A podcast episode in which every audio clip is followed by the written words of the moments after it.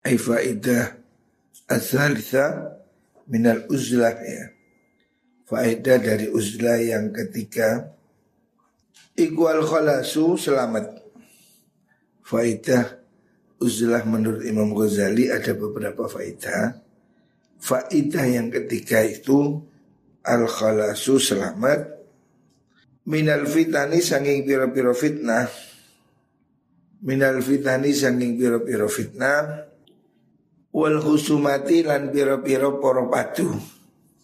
Jadi orang itu kalau menyendiri Orang yang tidak berkumpul dengan orang lain itu Faedahnya terhindar dari fitnah dan perselisihan. Wasiyanati dini langgar so agomo Wan nafsi lan ati Anil khawli sangking manjing kunem Tidak terlibat Fiha ing dalam mengkunu Fitan wal khusumat. Wa ta'arrudhi wa ta'arrudhi lan madhep li akhtariha maring biro-biro bahayane mengkuno alfitan wal khusumat. Wa qallama lan tidik banget lahlu sepi op al biladu negara anta asubatin sanging biro-biro ta'asub ya ta'asub itu fanatisme wa fitanin dan biro-biro fitnah wa khusumatin dan biro-biro perselisihan. Namanya hidup dengan orang lain pasti banyak masalah. Ya. Makanya tidak kumpul dengan orang artinya uzlah menghindar itu ada faedah tidak terlibat dalam perselisihan. Wal mu'tazilu tai wong kang dewi ngedoh menyendiri anhum sanging mengkono ahlul bilad iku fi salamatin ing dalam selamat selamat minha sangking mengkono napa niku? Fitan. Kala dawu sinten? Abdullah. Kiai Abdullah Ibni Amr bin As. Lama dakaro semangsani nutur Lama zakaro semangsani nutur Sinten Rasulullah Sallallahu Alaihi Wasallam? Al fitana ing piro piro fitnah. Al fitana ing piro piro fitnah. Wa wasofa lan nyifati sopo kanjeng Nabi Ha ing mengkunu fitnah Kala dawu sopo nabi Ida ara ita analikan ningali menungso Ningali siro Annasa ing menungso. Nalikan ningali siro Annasa ing menungso Marajat hale bola bali Opo uhuduhum piro-piro jandinye nas Wahofat lan enteng Opo amanatuhum amanai nas Wakanulan ono sopo nas iku hakada koyo mengkini Maksudnya seperti itu campur baur. Wasyabakalan ngapurancang. Ngapurancang itu menggandengkan gini lah. Menggandengkan tangan Ngapurancang. Baina asobi antara ni piro-piro trijine kanjeng Nabi. Kultu mongko ngucap ingsun Fama tak muruni Fama ing opo tak muru perintah panjenengan ni ing kulo Fakola mongko dawu sinten kanjeng Nabi ilzam netepono siro baitaka ing omah siro. Wa mlik lan ngekero nguasanono siro alika ingat si awak siro lisanaka ing lisan siro. Wa hud lan ngalapo siro ma ing perkara ta'rifu kang weruh sapa siro. Wadak lan ninggalu siro ma ing perkara tungkiru kang ingkar sapa siro. Wa alaika lan netepono siro bi amril khasati kelawan perkarane wong kang khusus wong kang alim. Wadak lan ninggawal sira angka sanging sira amrul amati ing perkarane wong awam.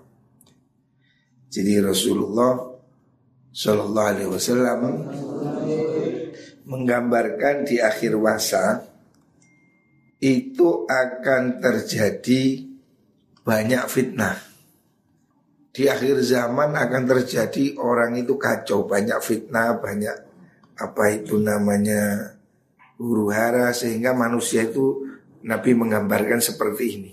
Ruwet itu loh. Jadi baik dan buruk ini bercampur. Akan terjadi masa seperti itu. Di mana keadaan ini ruwet. Terus sahabat Abdullah bertanya, apa yang harus saya lakukan kalau terjadi zaman seperti itu? Nabi mengatakan hendaknya kamu diam di rumah. Jangan banyak ke mana-mana, diam di rumah dan hendaknya kamu menguasai mulutmu. Artinya jangan banyak omong. Tinggalkan apa yang kamu ingkari ya. Terus hendaknya kau alika bi amril khasah wada angka amrul amah. Hendaknya kamu dengan hal-hal yang penting dan tinggalkan urusan-urusan yang umum. Atau hendaknya kamu berkumpul dengan orang-orang yang baik, jauhi orang-orang yang bodoh. Bab zaman akhir ini orang pinter, orang bodoh ini campur, semuanya berkomentar. Yang di medsos itu mulai tukang sapu sampai profesor ya sama aja. Bisa berkomentar, bisa ngoceh, bisa orang bodoh bisa nanggapi profesor, orang tolol bisa ngilok-ngilok kiai. Ya, sekarang medsos ini kan bebas sekali. Orang bisa bisa bikin konten YouTube, Makanya santri-santri ini harus kuat. Ya. Hari ini kita harus berdakwah di medsos. Bab di medsos ini semua orang bisa melakukan. Mau orang jahil, mau orang bodoh, orang pinter, orang goblok. Semuanya bisa menjadi youtuber, bisa menjadi konten kreator, bisa apa streaming. Sehingga sekarang bercampur baur hari ini. Orang sekarang dengan handphone ini bingung, ada yang konten benar, ada yang salah Bagaimana yang harus kita lakukan? Ya, kita harus bisa membatasi diri. Kita jangan ikut-ikutan. Diam di rumah artinya jangan katut-katut orang. Ya. Di pondok, diam di pondok. Ya. Jangan katut ke mana-mana. Kurangi interaksi dengan yang tidak penting. Jaga mulutmu artinya ya ngomong yang hati-hati ya. Termasuk ngomong ya sekarang medsos tangan. Ya.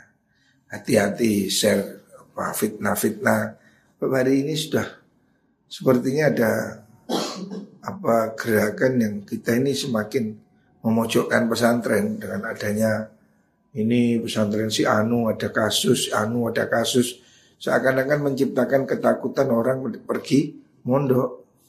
Padahal ya itu ya oknum ya ada aja di mana pun polisi juga ada yang anu itu pentara itu ya namanya oknum eh, di mana pun ya orang itu ada baik ada buruk. Tetapi jangan sampai kita itu tergiring pada opini untuk menjelek-jelekan pesantren atau menjelek-jelekan orang lain.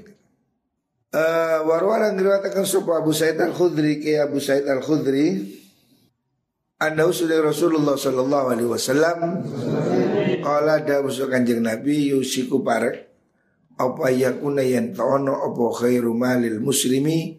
Lui bagusi bondoni wong muslim.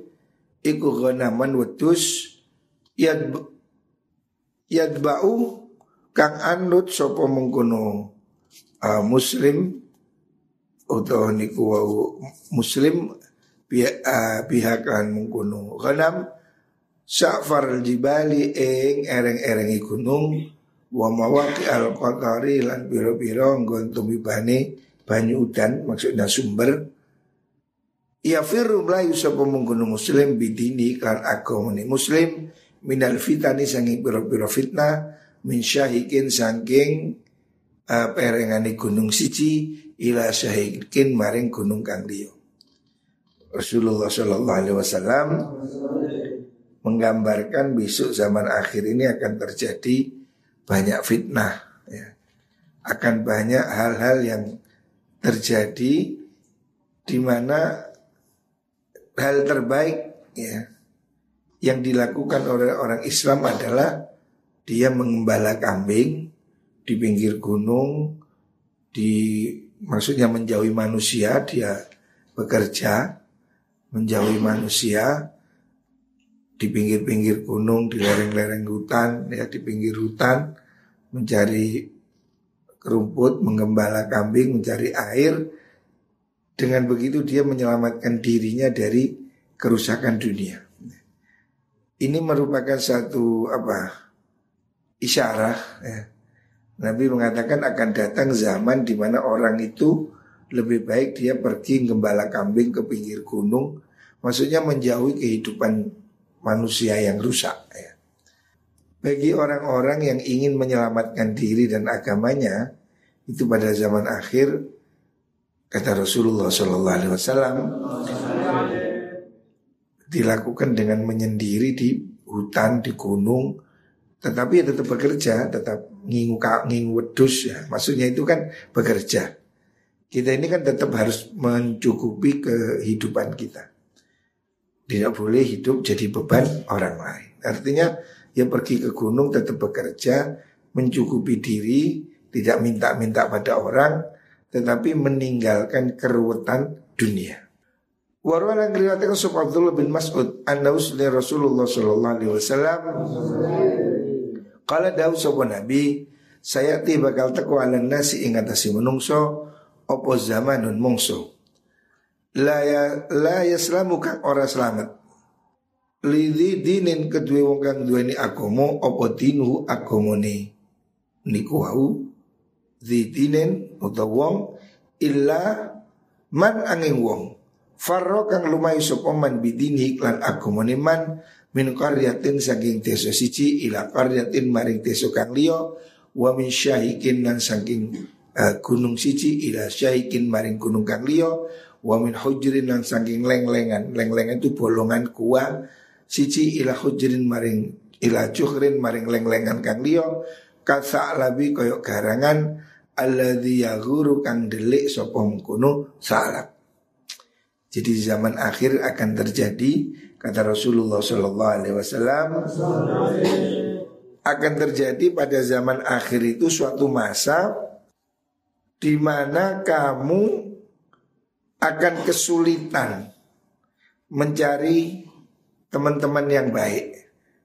Akan datang suatu masa di mana orang itu harus menyelamatkan agamanya dengan cara berlari, menyendiri, berpindah-pindah dari satu desa ke desa, dari satu gunung ke gunung, dari satu lubang ke lubang, seperti musang yang bersembunyi.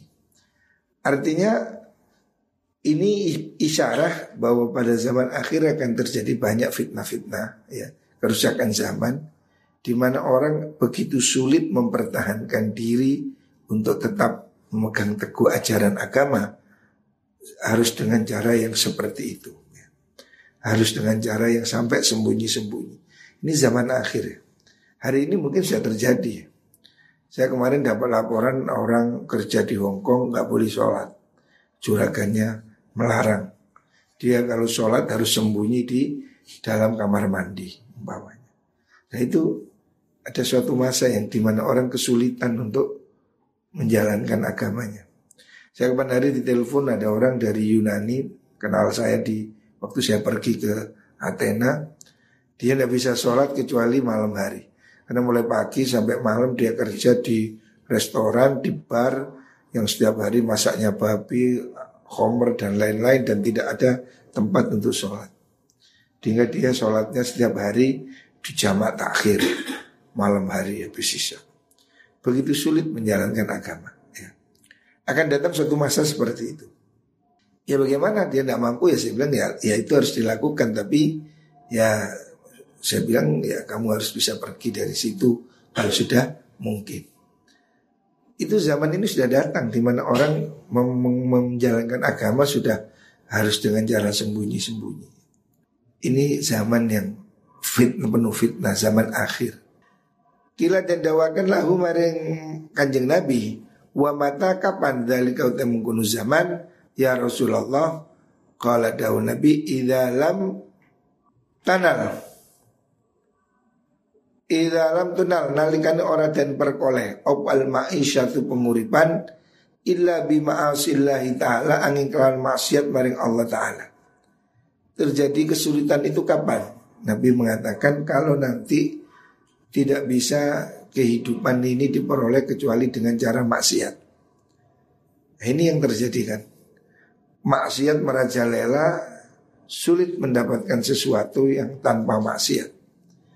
Ya mungkin ini terjadi di negara-negara minoritas yang seperti contoh-contoh tadi itu. Ada orang yang sudah kesulitan menjalankan ajaran agama sehingga dia harus bekerja di tempat-tempat seperti itu. Tempat-tempat maksiat, tempat-tempat minum dan dia tidak berdaya. Ya. ya contoh seperti pramugari dia kan ya harus menyajikan ya kalau pesawatnya Garuda, batik. Pesawat asing walaupun itu apa pesawat Emirates atau Qatar itu kan harus menyiapkan minuman alkohol. Di situ ada menunya salah satunya kan whisky, bir dan seterusnya. Bagaimana? Ya mereka mungkin tidak bisa lepas dari situ. Padahal saya yakin itu yang mayoritas muslim. Perempuan muslimah.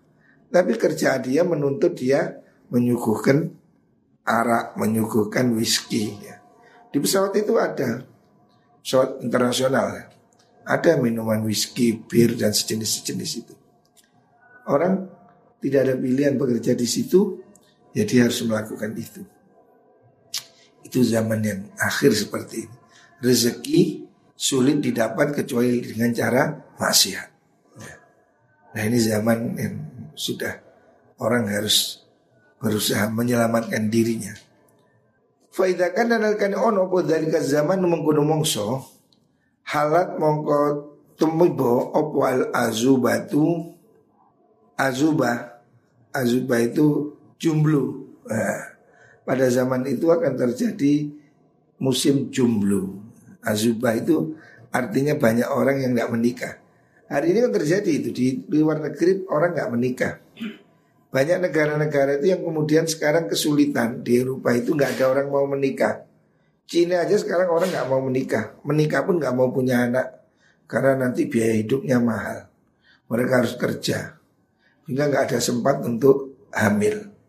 Sehingga banyak ini terjadi di dunia barat wanita-wanita nggak mau hamil. Nah, terus gimana? Lama-lama kan habis generasi itu. Ini digambarkan oleh Nabi 14 abad yang lalu. Nabi sudah mengatakan nanti ada zaman di mana semua hidup penuh maksiat, di mana orang-orang bakal menjumblu. Hari ini banyak jumblu-jumblu. Yang belum nikah segera nikah. Selak kiamat. Kalau ngucap sebuah mengkuno sahabat, wa kaifa ya Rasulullah, wa kaifa apa ya Rasulullah, Wakat amar tanah teman perintah panjenengan nak ing kita bitazwiji kelawan rabi. Lah kok banyak jumlah Padahal kita ini diperintah menikah. Kalau daun Nabi idza kana nalkani ono ke zaman mungkin mongso karena omong ono apa halaku rajuli kerusakan wong lanang iku ale ala ya diabawi ing atase tangane wong tua lurune rojul. Jadi pada saat itu banyak orang hancur karena orang tuanya. Artinya orang tua akan semakin materialis, nggak peduli dengan pendidikan anak, mereka yang penting kaya, kaya, kaya, sehingga anaknya tidak diurus agamanya, tidak diurus imannya, ya. Ini yang terjadi kan hari ini banyak orang tua nggak peduli anaknya murtad, anaknya pindah agama, anaknya nikah dengan beda agama, orang sudah nggak peduli. Yang penting uang, uang, uang. Ya. Nah, berarti kan anak ini juga hancur karena sikap orang tua. Fa ilam yakun lamun ora ono iku lau kedhe rajul sapa abawani wong tua loro fa ala yadi zaujati mongko ing atase tangan luruni bojo wadone rajul. Orang itu bisa hancur karena orang tuanya salah pendidikannya, salah gaulnya atau hancur karena istrinya. Ya. Banyak orang ini menjadi hancur gara-gara istri. Jadi istri ini kalau jelek bisa menjadikan kehidupan itu hancur. Seorang istri yang jelek ya menjadikan suami gelap mata, materialis umpamanya, dia kemudian ngawur jadi pencuri, jadi koruptor ya. Banyak orang hancur karena istri juga. Ya. Jadi orang bisa hancur karena orang tua, karena pendidikan yang salah, pergaulan yang salah, dibiarkan. Atau pada zaman akhir itu orang akan hancur karena pasangan hidupnya, karena istrinya atau suaminya. Jadi orang baik-baik tuntutannya terlalu tinggi akhirnya menjadi jahat. Ya. Wawaladilan anak erojul atau karena anaknya demi anak orang gelap mata. Fa ilam yakun lamun ora ono sapa mungkun walad ya fa ala yadi qarabati mongko ing atase tangane kerabat rojul atau kerabatnya keluarga lingkungannya Kalau ngucap sapa sahabat, wa kaifa dzalika ya Rasulullah? Wa kaifa lan kaya apa dzalika uta mungkunu halakur rajul ya Rasulullah? Qala dawu Nabi yu'irunahu. Yu'irunahu padha nyacat sapa niku wau apa ini ilah? Hu ing rajul bidai kilyati kelawan rupa tangan maksudnya kemiskinan. Lihat maksudnya ya kemiskinan. Ke, ke apa? Rupa tangan ada ketidakmampuan ya Fatakan lafu mongko merti-merti soborojul ma ing perkara layutiku kang ora kuasa soborojul hatta yuridu sehingga akan opo dalika mengkudu takaluf mawaridal halkati ing pira-pira panggonane kerusakan. Jadi Rasulullah Shallallahu Alaihi Wasallam sudah menggambarkan kerusakan zaman akhir. Zaman akhir ini akan terjadi banyak kerusakan karena faktor ekonomi. Makanya faktor ekonomi ini juga penting. Faktor ekonomi ini salah satu hal yang penting. Makanya santri juga harus apa namanya? Santri juga harus mau bekerja mencukupi hidupnya mencari nafkah. Sebab zaman akhir ini digambarkan dalam hadis ya yang disebut Imam Ghazali orang ini akan hancur karena faktor-faktor. Jadi akan datang suatu masa di mana seseorang akan kesulitan mempertahankan agamanya.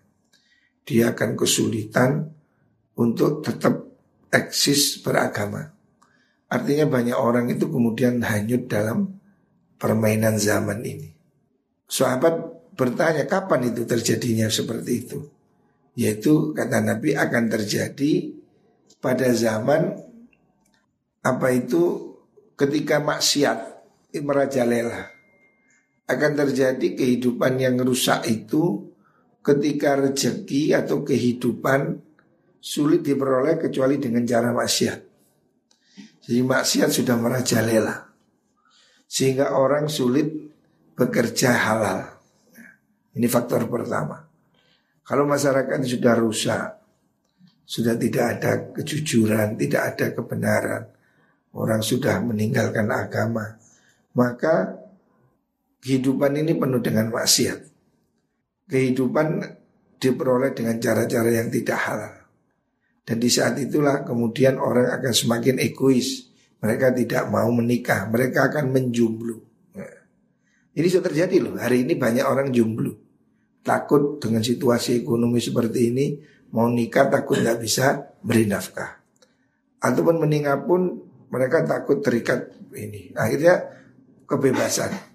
Yang laki nggak nikah ganti-ganti pasangan, yang perempuan juga begitu. Hidup serumah tanpa nikah dan seterusnya. Ini sudah dibaca oleh kanjeng Nabi 14 abad yang lalu. Akan terjadi masa di mana orang-orang itu lebih memilih jomblo. Sekarang ini banyak orang jomblo di luar negeri banyak sekali. Yaitu mereka takut menikah, takut biayanya mahal, takut nggak bisa kerja, akhirnya nggak menikah. Akhirnya mereka kumpul kebu, kumpul kebu. Atau nikah nggak mau punya anak. Eh. Sahabat tanya, loh bagaimana kok ada orang nggak mau nikah? Ya, sebab pada saat itu ya sudah kacau. Ya. Ketika zaman terjadi seperti itu, orang bisa hancur karena orang tuanya, karena istrinya atau karena kerabatnya.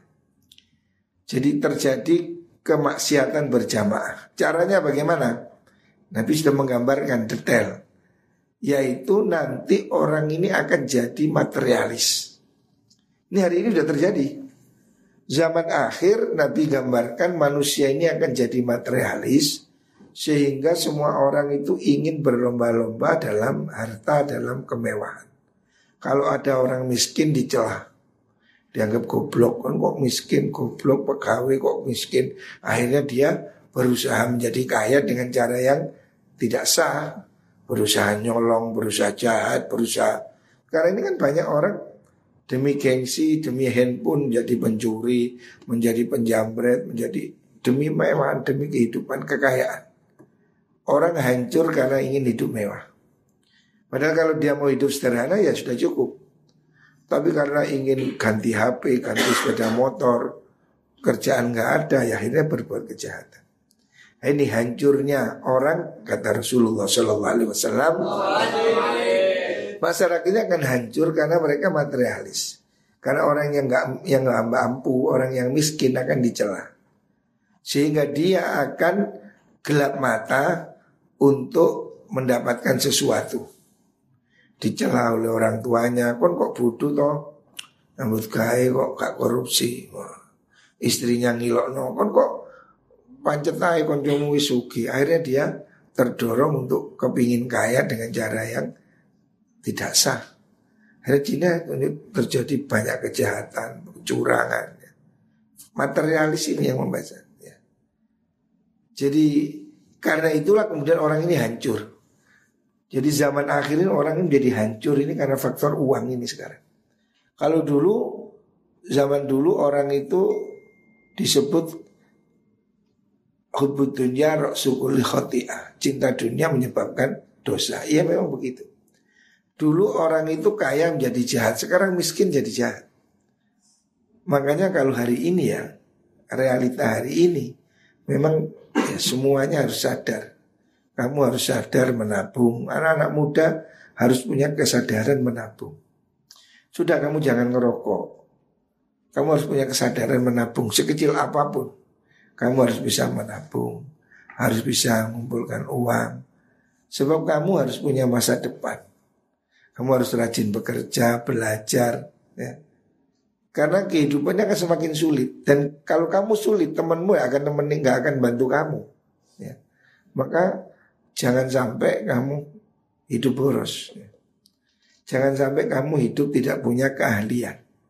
Kamu harus punya keahlian keahlian apa pun, itu ngaji, itu pidato, itu apa kerjaan, semuanya.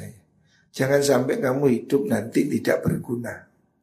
Jangan sampai kamu kemudian jatuh kepada uh, jurang kemiskinan itu. Ya miskin kayak takdir ya, tapi orang ini diberi akal untuk berusaha. Baik usaha secara lahir atau usaha secara batin. Makanya jangan apa jangan enak-enakan. Secara batin kita berdoa, secara lahir ya bekerja yang baik. Supaya kita tidak termasuk ini.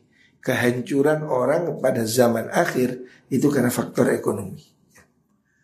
Ini sudah digambarkan Rasulullah Sallallahu Alaihi Wasallam sejak 14 abad yang lalu. Kada zaman akan orang jadi hancur karena lingkungannya orang tuanya, saudaranya, istrinya, anaknya mendorong dia menjadi jahat. Karena semua orang kepingin mewah, semua orang kepingin kaya. Kalau tidak bisa dengan cara yang baik, akhirnya mereka melakukan dengan cara yang jahat. Nah ini harus kita hati-hati ya. Muka-muka semua diberi rizki yang barakah. Amin. Amin Allahumma amin.